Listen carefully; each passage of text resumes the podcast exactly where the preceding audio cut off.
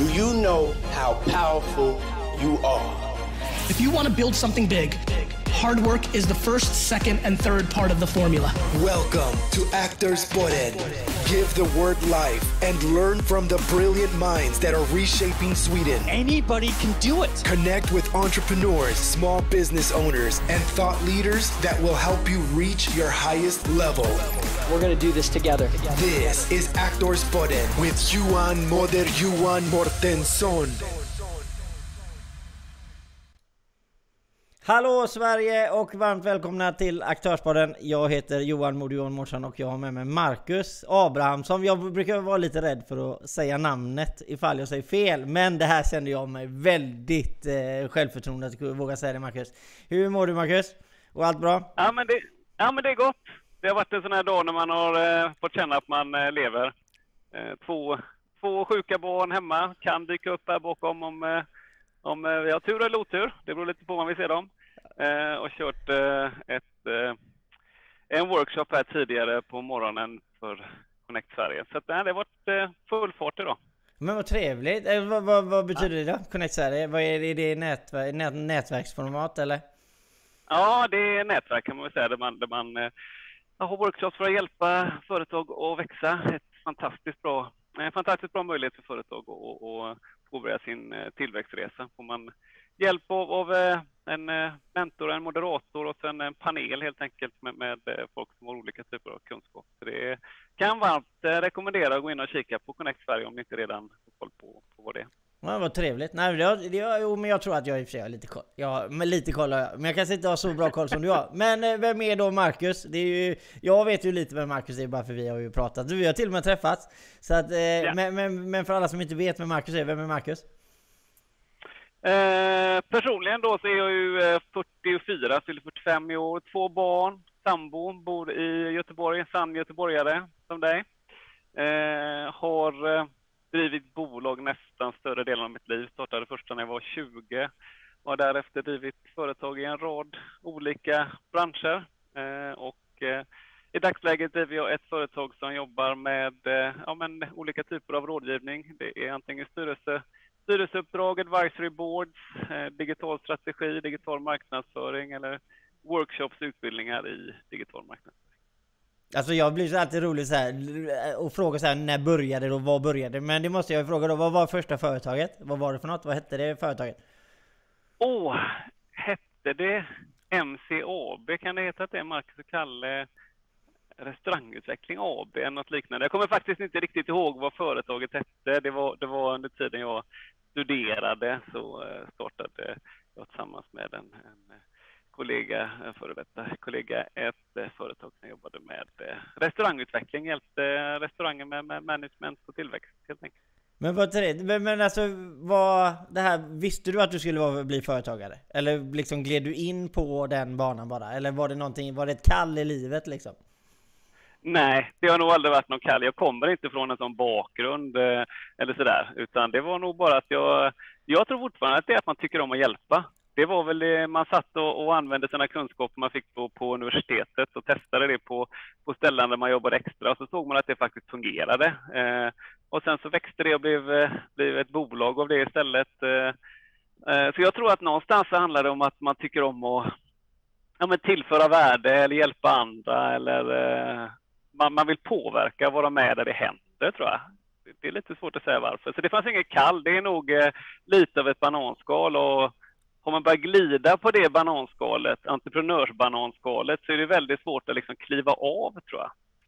Det är det. Det är det. Men okej, okay, första bolaget, du startade det där. Hur länge, hur länge var det aktivt? Är det fortfarande aktivt? Sålde du det? Vad, vad hände med det? Eh, det bolaget i sig, jag kommer faktiskt inte ihåg, det här är ju 20, jag vet inte, 25 år sedan snart måste det väl vara. Har det gått att jag det på pottkanten då? Ja, så jag vet faktiskt inte hur länge vi drev det, men jag, jag jobbade med den typen av verksamhet i, i närmare ja, tio år tror jag. Eh, i olika branscher, men, men eh, det, det fortsatte helt enkelt under lång tid parallellt med andra, med andra delar och någonstans är det väl fortfarande det och jag gör nu också, fast i annan form. Eh, hjälper företag till, till tillväxt eller framgång eller sälj eller vad det kan tänkas vara. Okej, okay, men tills nu då, det är alltså den genom yrkeslivet så att säga. Om du ska ta med dig liksom vilka typer av kompetenser som du känner är väldigt viktiga för dig just nu. Vilka, vilka hade du velat trycka på då liksom? Är det marknadsföring du har fått någonstans igenom där du har lärt dig någonting? Eller styrelse, alltså genom, längs med vägen som du har gått? Ja, men jag skulle nog säga strategi och marknad är väl det som som man har tagit med sig vikten av kanske då sälj och marknad. Någonstans så, så kan du ha världens bästa idé, så länge du inte kan sälja den eller få ut eh, budskapet så, så kommer du inte lyckas. Så det är väl en del och sen även kanske ja, men, eh, insikten hur, vad det innebär att driva bolag och förstå det, så att man förstår ägare och, och eh, VDs eller styrelser. Man, man förstår deras, deras problematik och utmaningar. Jo men precis, alltså för just det, om vi ska hoppa in på det här med styrelse då liksom, så är ju det den mer, precis som du egentligen sa nu, sta, den strategiska sidan och så är ju mer VDn och den utförande delen då de som ska liksom göra sakerna. Men alltså jag, jag tänker bara när jag tänker på det, blir det friktion där man, ibland mellan liksom den här strategiska utförande delen liksom? Och hur, gör, hur tänker du egentligen i de, de banorna? För många gånger så kan jag tänka mig att styrelsen vill en sak och verkligheten vill en annan? Eller hur, hur kan du uppleva det så ibland? Ja, jag skulle nog vilja lägga på ytterligare en dimension, för du har ju en ägare också, så att du har liksom ett ägardirektiv dessutom. Så jag tror det handlar om att, att ha tydliga ägardirektiv och, och kan, kanske då instruktioner, vd-instruktioner som är tydliga såklart. Det, det, det är otroligt viktigt. Eh, sen är det ju ofta så i, i mindre bolag och entreprenörsledda bolag att där är man ju då, man är allting och, och där, det är väl det som blir problematiken kanske, att man blandar eh, ledningsgruppsfrågor med ägarfrågor med styrelsefrågor. Det, det, det, allting är samma, eh, samma sak. Eh, och det är väl därför det kanske är viktigt ibland att tillsätta då ja, men extern, extern styrelse eller extern styrelseordförande. Eh, om jag sätter det lite på pottkanten. Alltså, har du någon sån här god fråga som du, du vet får upp väldigt snabbt? Eller vad som är styrelsearbetet gentemot vad som inte är eh, där det så att säga. Har du någon sån grej, eh, känsla direkt liksom? Finns det någon strategisk fråga som man bör jobba med i styrelsen som man kanske inte ska jobba med eh, i ett, ja, som, som en VD eller ute i fält så att säga? Jag skulle nog säga att det beror så himla mycket på storlek av bolag och du var inne lite på det tidigare att det blir ju mycket närmare utförande om du kommer till, till en operativ eh, VD helt enkelt. Eh, så att jag får nog säga att det beror helt på bolag. Väldigt, eh, väldigt politiskt svar. Ja men det är bra, men det får man säga också. Men det här när du säger att du jobbar som styrelse då, är, är det någon typ av eh, storlek på bolag? Är det vad, vad är det du vill jobba med om man säger så? Jag tycker om att jobba med bolag som eh, har, eh, nej men det händer relativt mycket och man kan göra större förändringar och då är det kanske bolag under 200 miljoner i omsättning exempelvis. Med eh, tillväxtbolag? Är, ja, tillväxtbolag, små eller medelstora bolag som är inne på en tillväxtresa. Men vad, alltså, vad känner du att det saknas i de här bolagen under 200 miljoner liksom, i styrelsearbetet? Är, är det det som du pratade om förut, att man, man jobbar inte aktivt med styrelsen? Är det det som är det största problemet känner du?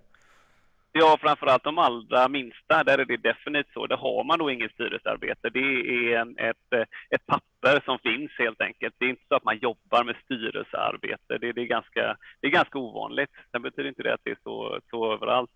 Eh, så det, det, det, där saknar man helt och hållet kanske ett styrelsearbete. Eh, så det beror nog på, sen skulle jag säga vad saknas mer? Mångfald kanske. Oftast är ju styrelsen det är ganska likriktat. Det, det, är ju ofta äldre män som sitter i en, eh, i en styrelse. Eh, så, så, att man kanske behöver ha, ha en större mångfald i styrelserna, eh, skulle jag säga. Få in fler, fler Eh, men flera sätt att se på, på, eh, på verkligheten, flera kompetenser, olika åldrar, olika kön, olika etnicitet. Ja men blanda lite, blanda och ge lite, lite ja. gott och blandat ja. helt enkelt. Men, Ja. men eh, för jag, jag vet ju det att alltså, styrelseutlåtande helst ska gå till bokföring och man skickar in och det, det är en annan, då är det, det är inte riktigt copy bara från året innan men det är inte allt långt ifrån alltså. Det är, så att jag, jag, jag, jag är med vad du menar. Jag känner igen den verkligheten som du beskriver där lite ska jag säga. Att det är, det är inte ett jättestenhårt styrelsearbete alltså. Men nej, jag... jag Ja, mm. Ofta är det ju papper, jaha, fick jag från revisen, det här krävs ett styrelsebeslut på, jaha, kan du skicka det? Jag skriver under där. Färdigt. Ja, eh, så, att, så att, eh, och det är ju, det är ju det är ju inte så det är tänkt och framförallt så utnyttjar man då kanske inte möjligheten att få in extern kompetens i, i bolagen. Eh, så, att, så jag tycker, jag förordar att man försöker få in extern kompetens. Jo men ser man då till alltså, många som lyssnar och sånt där så, så de flesta som inte är företagare själva, de kanske just ordet styrelse så blir ju mer alltså bostadsrättsföreningen, man känner igen liksom styrelsearbete liksom. Om, om vi ska ta det, vad känner du behövs liksom i styrelsen Eh, för att den ska vara fungerande? Helst om vi ser lite mindre då, eller en BRF då till exempel kanske som lyssnarna har. Vad, vad, känns, vad behövs för olika saker i en styrelse för att den ska liksom fungera internt? Ja, först är det såklart eh, kompetens, eh, erfarenhet i alla fall ifrån några som kan liksom hålla formalian. Och sen är det ju dokumentation som man kan följa upp faktiskt vad som tas för beslut, vad, vad som bordsläggs, vad, vad man går vidare med, vad som ska tas upp nästa gång så att man kan följa arbetet. Det skulle jag säga är otroligt viktigt. Så formalia och, och struktur. Men det här att Eh. eh, det, det tar ju ganska lång tid när man jobbar med styrelsen. Alltså det är ju liksom inte någonting som händer direkt. Alltså det, det tar oftast ganska lång tid. Man ska diskutera igenom frågor och sånt här. Och där har vi haft liksom Ja, jag har haft flera som har kontaktat mig då när man tycker att det är jobbigt på grund av att alltså, det blir sådana diskussioner om precis allting. Men är, är det en positiv sak kanske? Att det tar lång tid? Eller är det en negativ sak? Vad, vad känner du? Jag skulle säga att då är vi tillbaka på formalia igen. Så pratar man om allting på styrelsemötet, då är det kanske så att det är fel på, på formalien. Man bör ju veta ungefär vad det är man ska diskutera för någonting och försöka hålla sig till, till någon slags dagordning och, och det finns ju liksom en struktur för det och det som du säger, om man sitter och diskuterar allting och det drar ut på tiden, ja då behöver man ju se över hur man jobbar helt enkelt. Ja men precis, alltså det blir mer att då tycker du att man kanske bör kanske titta mer i process? Alltså, mer... Ja, jag, jag skulle säga då, det som du beskriver för mig, det är väl det klassiska problemet när man då eh, kanske blandar styrelsearbetet med ledningsgruppsfrågor, med ägardirektiv och sen kanske det helt plötsligt mitt i det här dyker upp en problematik eh, där man ska prata om växelsystemet som inte som glappar och sen tredje gången så, så dyker det upp en fråga om, om liksom hur, hur väl eh, jag vet inte, hur väl de städar på kontoret. Det, det, det, det är lite kanske det jag menar att då, då jobbar man inte med ett rent styrelsearbete. Då har man helt plötsligt fått in mängder av andra frågor som man kanske inte ska jobba med där. Eh, så det är nog det du beskriver för mig. Det är kanske det att det, är inget styrelsearbete, det är något annat.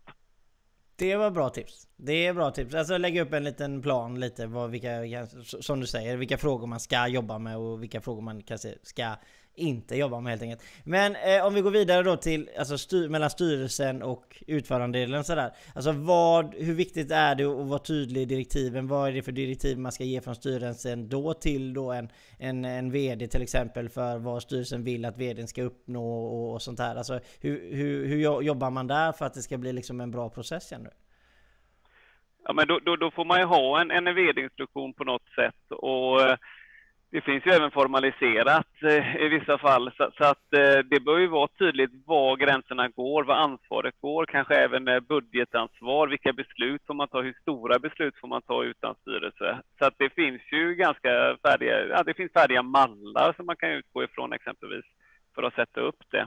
Eh, så eh, det, det bör man dokumentera. Jag skulle säga att man skulle behöva titta på hela kedjan där och, och, och om man ska börja från början och sätta upp det bolag där det inte finns alls, där man tittar på, på ägardirektiven eh, först kanske och sen då styrelsearbetet och sen på något sätt ett, en, en eh, vd-instruktion. Ja, eh, tänkte- det, det liksom hänger ihop. Ja men för tittar vi i media och sånt där så, så läser man ju ofta sådär liksom att, att vdn kanske har tappat, för, eller styrelsen har tappat förtroende för vdn om man ska byta ut vdn till exempel och sånt där. Alltså om jag tänker på de bitarna där med tillit och sånt. Alltså behöver, man, behöver vdn känna att man har uppbackning av styrelsen på något sätt liksom? Är det viktigt om, känner du? Ja, det, jag tror att det är viktigt med tillit på båda håll såklart. Eh, och, och framförallt då ju större bolaget blir, för det blir ju liksom en, alltså det blir en större, eh, eh, större, vad ska man säga, glapp någonstans. I ett litet bolag så känner man varandra kanske så pass väl eh, så man har ganska bra koll. Men, men är det ett stort publikt bolag så är det kanske lite en annan situation. Eh, men, men jag tycker det är viktigt att kunna ha framförallt en öppen dialog. Vad, om vi, vi liksom, nu har vi ponerat, jag har ju ponerat jättemycket här och försöker sätta in det i olika situationer där bara för att jag, jag tycker det är roligt att sätta folk på pottkanten ja, helt enkelt. Eh, men alltså om vi då liksom, nu har vi liksom ponerat massa styrelser, men vad är det du kan tillföra till eh, en styrelse så att säga för ett bolag som kanske känner att de vill ha en extern styrelse så att säga?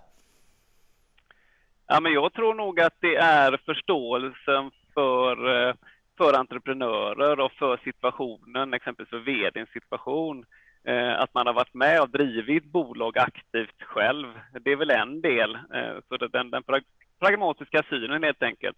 Och sen framför allt den digitala biten. Eh, så tillför, tillför helt enkelt ett digitalt tänk, framför allt då på marknadssidan. Digital marknadsföring, det behöver man ju plocka in i styrelsen om man inte har det, för det är en sån otroligt viktig del idag. Eh, det är ju helt enkelt där större delen av marknadsföringen hamnar. Men du har ju varit, VD, väl, du har ju varit VD tidigare.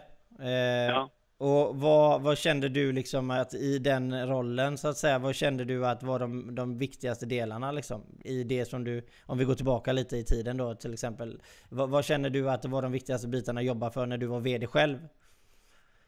Ja, men om man är VD så hamnar man ju väldigt mycket i operativa eh, problematiska situationer där man ska lösa det. Mycket tid går ju åt till det. Eh, och, och klassiskt är väl att man, inte, eh, att man inte helt enkelt prioriterar och hinner med den strategiska biten som man ska implementera. Det är väl klassiskt och då behöver man ha en styrelse som helt enkelt följer den. Så det är väl en del. sen beror det också återigen där mycket diplomatiska svar, men det beror ju på vilken typ av bolag, hur stort det är eh, vad man, hur organisationen ser ut. Eh, så jag tror att man har olika utmaningar beroende på vilken vd-roll man har. Om man är inne på en tillväxtresa, om man, om man håller på att effektivisera ett bolag. Det beror lite på vad det är man gör för någonting. Jo men alltså, du sa, du sa ordet klassiskt och så du hakar jag upp mig på det. Men den klassiska synen på VDn om vi går tillbaka, eller ja, jag vet inte om den är den eh, gemene mans klassiska, men eh, det här med att du ansiktet utåt, att du liksom den, den största försäljaren liksom. Är, är, kan, man, liksom kan man säga att en VD är liksom ansiktet utåt eller har det försvunnit nu liksom? Är det någon annan som är ansiktet utåt nu liksom? Eh, det beror nog, återigen, beror helt eh, på bolag. Det finns ju bolag som har en jättestark VD internt men som inte syns utåt. Så det beror också på vilken roll, eh, vilken roll VDn har och vilket, vilket skede bolaget är, hur den är uppbyggd, vilket varumärke det är. Så jag skulle säga att det är inte säkert att VD måste vara ansiktet utåt i bolaget. Ja, men eh, alltså nu tar jag ett exempel, typ, alltså nu tar vi, alltså nu, nu vet jag att Ola Serneke gick av positionen, det stod i tidningen häromdagen så att säga. Men det är ju en entreprenör som har byggt upp allting själv. Han, han har ju liksom, det är ju, Serneke har ju varit honom för att det, alltså, det är ju, ja. Men och, och, och, så byggs upp allting och då blir ju han ju ansiktet utåt för hela koncernen så att säga.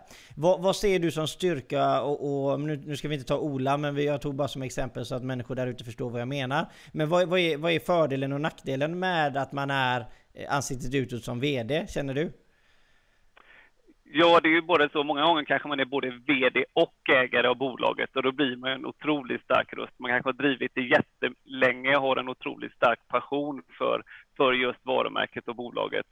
Eh, så det finns ju också en, en risk i det såklart. Eh, eh, och jag skulle säga att, att eh, ja, det, det, det, är lite svårt eh, att svara på eh, jag har nämligen en son som sprang upp för trappan här om du undrar varför ja, jag blev lite trevligt. distraherad. Tappa bort mig. Eh, vi tar frågan en gång till.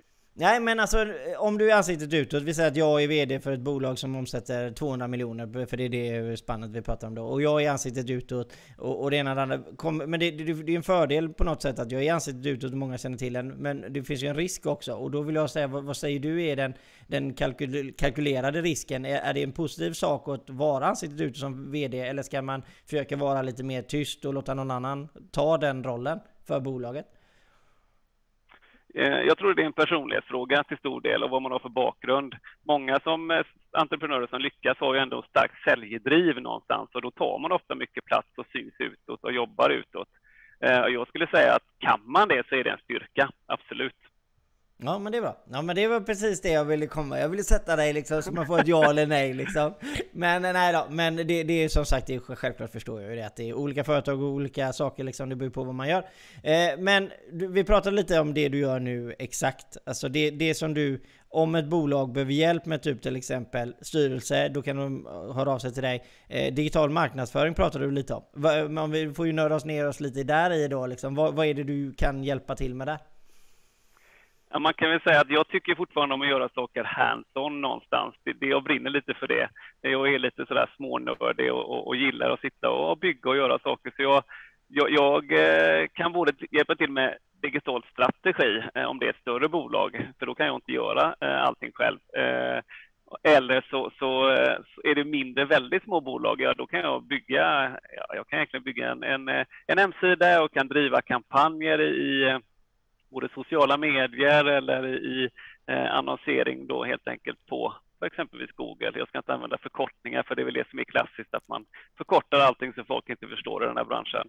Men olika typer av, av betald annonsering eh, eh i digitala medier eller eh, bygga hemsidor eller jobba med strategier. Men är, eh, är det ett måste? Ja. Är det ett måste idag? Att måste man göra Absolut det? Absolut liksom? inte. Absolut inte. Jag kan väl, jag kan väl ta ett, eh, ett enkelt exempel. Det finns ju, om man ska marknadsföra sig som, eh, ja men säg då att du ska marknadsföra det inom digital marknadsföring, då är det inte säkert att det mest effektiva sättet är att marknadsföra sig just på nätet eller att bli bäst eh, på Google och synas överst, för konkurrensen är ju enorm. För alla jobbar ju med det. Alla har ju det som sin expertis. Då kanske det är bättre att göra ett klassiskt ADR-utskick helt enkelt till företagare, för då sticker du ju ut. Du är ju annorlunda utifrån dina konkurrenter. Jobbar du då istället i en kanske väldigt konservativ bransch, skulle jag säga, där det inte finns särskilt mycket konkurrens på den digitala sidan, ja, då är det mycket lättare att lyckas där och då kanske det är där du ska lyckas. Så lite för att svara på din fråga så är det väl det som är min styrka, att jag ser inte digital marknadsföring som, som den enda lösningen på att nå ut utan det handlar om att hitta det mest kostnadseffektiva sättet. Det ska generera, det ska generera försäljning någonstans. Det är det det går ut på. Okej men vi, vi, alltså, vi går vidare med det här nu då att du eh, sitter med en styrelse och du ska hjälpa den här styrelsen att arbeta då med det digitala. Och så, vad, vad, känner du då liksom, precis som du sa nu, om man inte är digitalt överhuvudtaget idag, för det finns ju även bolag som inte har gått över den eh, tröskeln överhuvudtaget. Tycker du att man bör ändå göra det oavsett? Alltså man bör ändå på något sätt öppna upp de kanalerna? Ja, och det påminner med de kanalerna. Jag tycker inte att du måste ha en Facebook-sida, en Instagram-sida för att ha en. För då har du ytterligare mer du ska bevaka någonstans. Du behöver ju också svara om folk skriver till dig eller liknande. Men däremot kanske du behöver då en, har du ingen hemsida så kanske du bör skaffa en hemsida. Det är på något sätt en, lite av en hygienfaktor.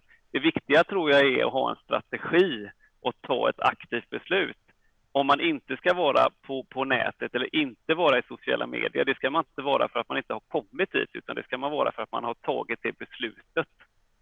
Okej, okay, men hur jobbar du själv med sociala medier och sånt där? Är det något du aktivt jobbar med själv? Nej, jag jobbar inte särskilt aktivt med det själv, mycket för att jag egentligen inte har, har hunnit komma så långt som man säger. Eh, jag har ju nyss startat upp det här bolaget och har faktiskt fullt med uppdrag så jag prioriterar ju kunder då helt enkelt. Jag, jag får helt enkelt ta, ta uppdrag först. Eh, och eh, tittar man då på, eh, på sociala medier så där jag syns är mest är ju helt klart LinkedIn. Det är väl där jag är överlägset mest aktiv. Eh, och det är ju kanske då framförallt för jag jobbar business to business och det är otroligt effektivt eh, att jobba i det mediet. Men jag vet ju att du ändå är nätverkare en del. Alltså är med på lite nätverksträffar. Så, alltså, ja, nu blir det ju mest kanske via digitalt då eftersom covid då så att säga. Men alltså hur jobbar du med det? Känner du att är det ett bra sätt liksom för någon annan att vara med i affärsnätverk? Genererar det några affärer? Hur mycket, hur mycket energi måste man lägga in och sånt där om du ändå ska tipsa lite? Jag tycker det är otroligt värdefullt. Eh, nu blir det ju en annorlunda situation när det är digitalt, annars älskar jag att träffa människor, så det är ju liksom ett, ett sätt att nå ut. Eh, men, men eh, jag skulle säga, jag är med framför allt då, vi, vi pratade ju Connect tidigare, det blir ju ett slags nätverk där du hjälper andra. Eh, och det är inte bara att man hjälper andra, du får ju också själv eh, en, en otrolig eh, ett otroligt kontaktnät med andra med, med, med bra kompetens som du kan jobba med i andra projekt. Eh, och sen är jag med Tribe, eh, exempelvis Tribe Group som jag kan rekommendera som också är ett, ett väldigt bra nätverk där man lär känna folk med, med bra kompetens. Så det, det, är ju liksom två digitala nätverk idag, eh, så som det ser ut.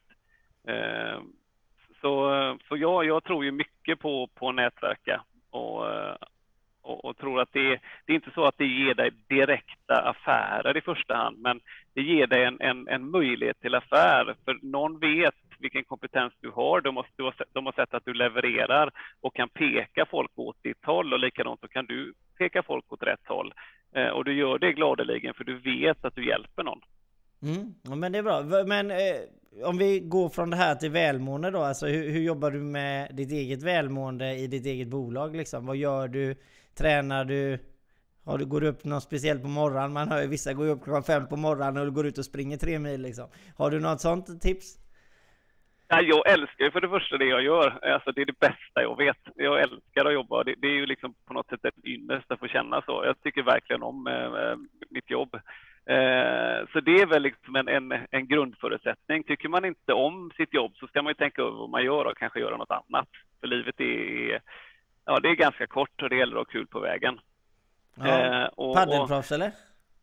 Ja, paddelproffs kanske. Ja, ja, men paddel spelar jag ju en dag i veckan, men eh, jag är framförallt träningsnörd. Jag är ju crossfit-kille och, och, och, tycker om att träna mycket och har liksom byggt ett helt crossfit-gym hemma och ja, men försöker få ihop en vardagslogistik, hyra ett kontor ovanpå ett crossfit-center så att jag ska kunna gå ner och träna och vara effektiv och sådär. Eh, så jag gillar att träna och, och paddel är ju definitivt en del av dem. Nu kan man ju inte spela hur mycket paddel man vill, för jag hinner liksom inte få in det också, men Ja, men padel blir det dag i veckan, så jag, ja, jag väntar ju på, på att jag och du ska få, ska få köra vår första match. Ja, men det hade varit trevligt. Alltså, vad, vad skulle du vilja ja. säga är ditt bästa slag? Är det backhand, är det forehand, är det serven, är det smashen? Vad, vad känner du? Ja, men det kan jag ju inte ge bort nu redan om vi ska spela framöver. Nej, men det, det är nog, eh, jag skulle säga, min eh, forehand. Det är forehand, ja det är gött att höra. Ja, men vad... Ja. Men alltså, sen vet jag ju någonting så att alltså, du, är det ungdomsutförande om man säger det? är schack? Någonting? Du... Ja, jag skulle ju aldrig, skulle ju aldrig läckt det. Nej, ja, ja, jag spelade, jag, jag spelade SIA-verksamhet schack på, på, eh, i sexan. Jag vet inte om det räknas riktigt, riktigt men du, du frågar ju där om schack och jag känner att ja, jag tycker det är kul. Det är väldigt få, man, få gånger man stöter på någon som faktiskt tycker det är kul att spela schack nu för tiden. Så ja, jag gillar det. Ja, men typ, när, när, när spelade du schack senast? Kan det vara... Ja, men det måste vara... Kan det vara fem, tio år sedan? Säkert. Ja, det är så pass alltså? Ja, men det var, ja, det var, var... Ja, det var faktiskt med samarbetspartner när jag, när jag var iväg och jobbade. De hade Va schack, schackbord som stod där. Ja, faktiskt. Ja, det är bra. Ja, det är underbart. Det är alltid det är roligt att vinna, så är det eh, Om vi går tillbaka lite till yrkeslivet, eller kanske lite privat sett. Vad, vad känner du i framtiden liksom? Ja, men det, det... Man har ju mycket... Alltså, jag, jag, kan säga så att jag är väldigt nöjd med min nuvarande situation. Samtidigt så är jag liten, jag lever väldigt mycket i framtiden och vill vidare, vill framåt. Eh, det jag vet, det är väl någonstans att jag inte har som ambition att bygga upp ett jättestort bolag med mycket personal och många anställda. Eh, utan hela målet med, med det bolag jag driver idag, det är att jag ska kunna jobba med, med dem jag vill jobba med, eh, vart jag vill och när jag vill. Det är liksom min grundtanke med, med, eh, med min sysselsättning och det jag gör. Eh, och det betyder ju också kanske att eh, om jag då ska växa och bli större, om vi tittar bolagsmässigt, så är det väl kanske framför allt med samarbetspartner eller underentreprenörer eller på något sätt olika typer av nätverk. Eh, för annars så faller lite min, min idé. Och då skulle jag lika gärna kunna gå tillbaka och vara VD någonstans eller driva något större bolag. Eh, så det är väl lite det. Och tittar man privat så ser jag som säkert många andra som lyssnar på det här, eh, ja men förälder, man, man eh, har någonstans liksom lämnat över bollen till nästa, till nästa generation och det viktigaste i livet just nu det är nog att ens barn ska få det bra och må bra och bli lyckliga. Det låter ju, det kanske låter löjligt men så är det definitivt.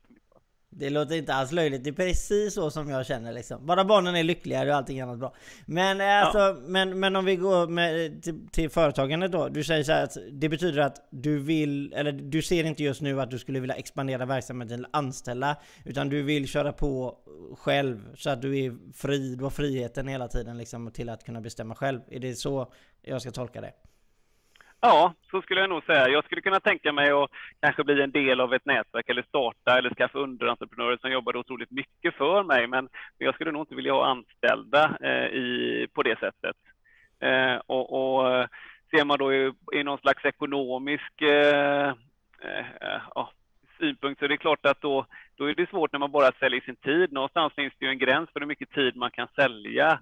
Eh, men jag, jag jobbar lite med fastigheter vid sidan av och ser nog kanske att det, det är nog snarare där i så fall som, som det kan hända, hända eh, saker, inte kanske i min, i min roll som, som Hur många timmar för... jobbar du i veckan? Oj, nu alldeles för många. Eh, det gör jag nog. Jag jobbar nog kanske 60-70 jobbar jag nog nu, men nu är det ju också en speciell situation med, med eh, mycket nytt som händer och, och eh, jag tycker samtidigt om att jobba. Fördelen är ju att jag kan bestämma när jag vill jobba. Men målet är nog inte att jobba så mycket framöver. Covid-19, alltså jag måste ju nästan fråga dig med tanke på att man alla har en olika uppfattning hur, hur man har blivit påverkad eller sådär. Vad, vad känner du liksom? Har du blivit påverkad någonting av Covid-19? Nej, egentligen inte. Eh, jag tror att det beror på vilken bransch man är och, och eh, tittar man på, på att hjälpa andra någonstans som ändå är grund, grundidén i det jag gör så behöver ju folk definitivt lika mycket hjälp nu om inte mer. Dessutom kanske många hamnat i en situation där, där marknad blir ännu mer intressant. Man behöver helt enkelt titta på, på hela sin säljsida och då blir det mycket digitalt såklart. Ja, men det är helt underbart. Eh, om ordet är fritt, är det någonting du skulle vilja tillägga? Nej, egentligen inte. Jag skulle nog, eh, det viktigaste för mig någonstans, vi pratar Aktörspodden och, och, och eh, det som jag tycker är viktigt att få med sig det är att man måste älska det man gör. Det är nog det allra viktigaste. Eh, och ha kärlek till sin vardag. Eh, har man det så tror jag att då, då blir man bra på det man gör och då, då kommer resten eh, komma av sig själv helt enkelt. Det låter som otroligt bra tips. Så det är, älska ditt jobb eller byt, är det det vi tar med oss? Ja, det skulle jag säga. Ja, det är underbart. Eh, vi, som, vi får ju tacka Sverige för att vi, ni har tittat och eh, lyssnat. Eh, och jag heter Johan Moduan Mårtsson och jag har haft med mig Marcus Abrahamsson och, ja, och det är Aktörspodden. Ha det nu så himla bra och ha en fortsatt trevlig eftermiddag. Hej hej!